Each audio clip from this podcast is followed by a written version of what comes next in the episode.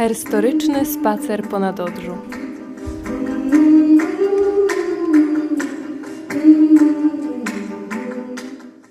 Ruszamy teraz ulicą Henryka Brodatego w stronę placu Świętego Macieja. Zatrzymujemy się pod wielobarwnym budynkiem żłobka, który mieści się pod numerem 17. Pamiętacie przedwojenną historię Ireny Strauss-Pyrkowej? Podobnie układały się losy Elżbiety Neumann, ostatniej żyjącej przedstawicielki Polonii z Breslau. Pochodziła z polsko-niemieckiej rodziny, w której matka starała się zachować w domu polską kulturę i język. Po latach wspominała.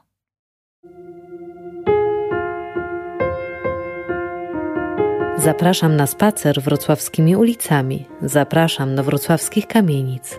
Joanna Mielewczyk. Zapraszam na spotkanie z ostatnią z Polonii, Elżbietą Neumann, rocznik 1924.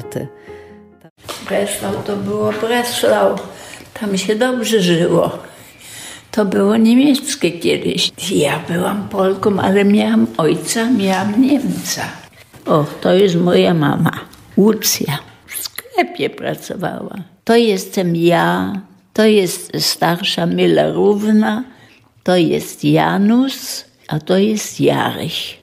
I to byli ludzie też mieszani. Czyli jeden rodzic był Polakiem, a drugi był Niemcem. Tak, tak. Dużo takich ludzi we Wrocławiu było? O tak, o tak. Sporo, sporo było. Szacuje się, że Polaków w Breslau było około 4 tysięcy. Część z nich spotykała się w domu polskim we Wrocławiu. Każdy, który do domu polskiego należał, to każdy był Niemcem właściwie.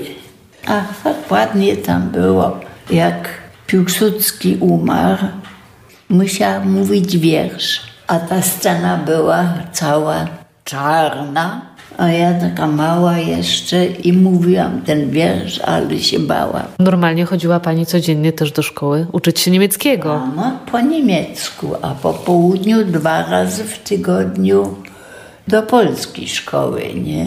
To było fajne.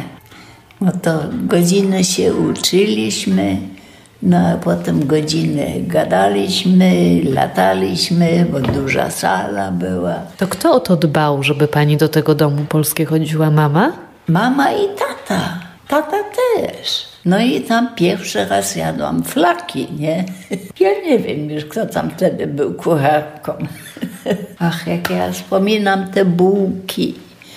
Jakie bułki były dobre.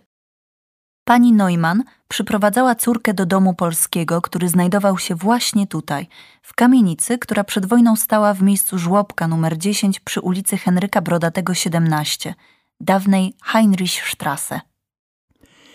Działalność Związku Polaków we Wrocławiu nabrała prawdziwego rozmachu po utworzeniu w 1928 roku oficjalnego Domu Polskiego przy Heinstrasse 21-23, gdzie odbywaliśmy zebrania, próby chóru, akademię, organizowaliśmy uroczystości.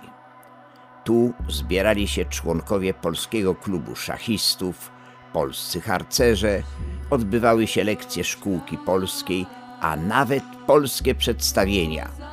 Szkoła polska istniała legalnie jako szkoła prywatna. Lekcje odbywały się po południu.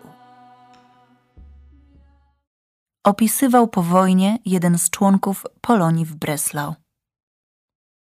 Zmiany polityczne w III Rzeszy sprawiały, że działalność Polonii w Breslau z roku na rok stawała się coraz trudniejsza.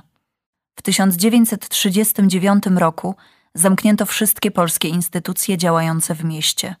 Rozpoczęła się wojna. Rodzina Neumannów starała się działać nadal, pomagając polskim robotnikom przymusowym, którym udało się uciec z transportu. Na początku 1945 roku ludność cywilna musiała opuścić przygotowujące się do oblężenia Festung Breslau. Elżbieta Neumann nie wróciła już do Wrocławia. Od tamtej pory mieszka w Dzierżoniowie.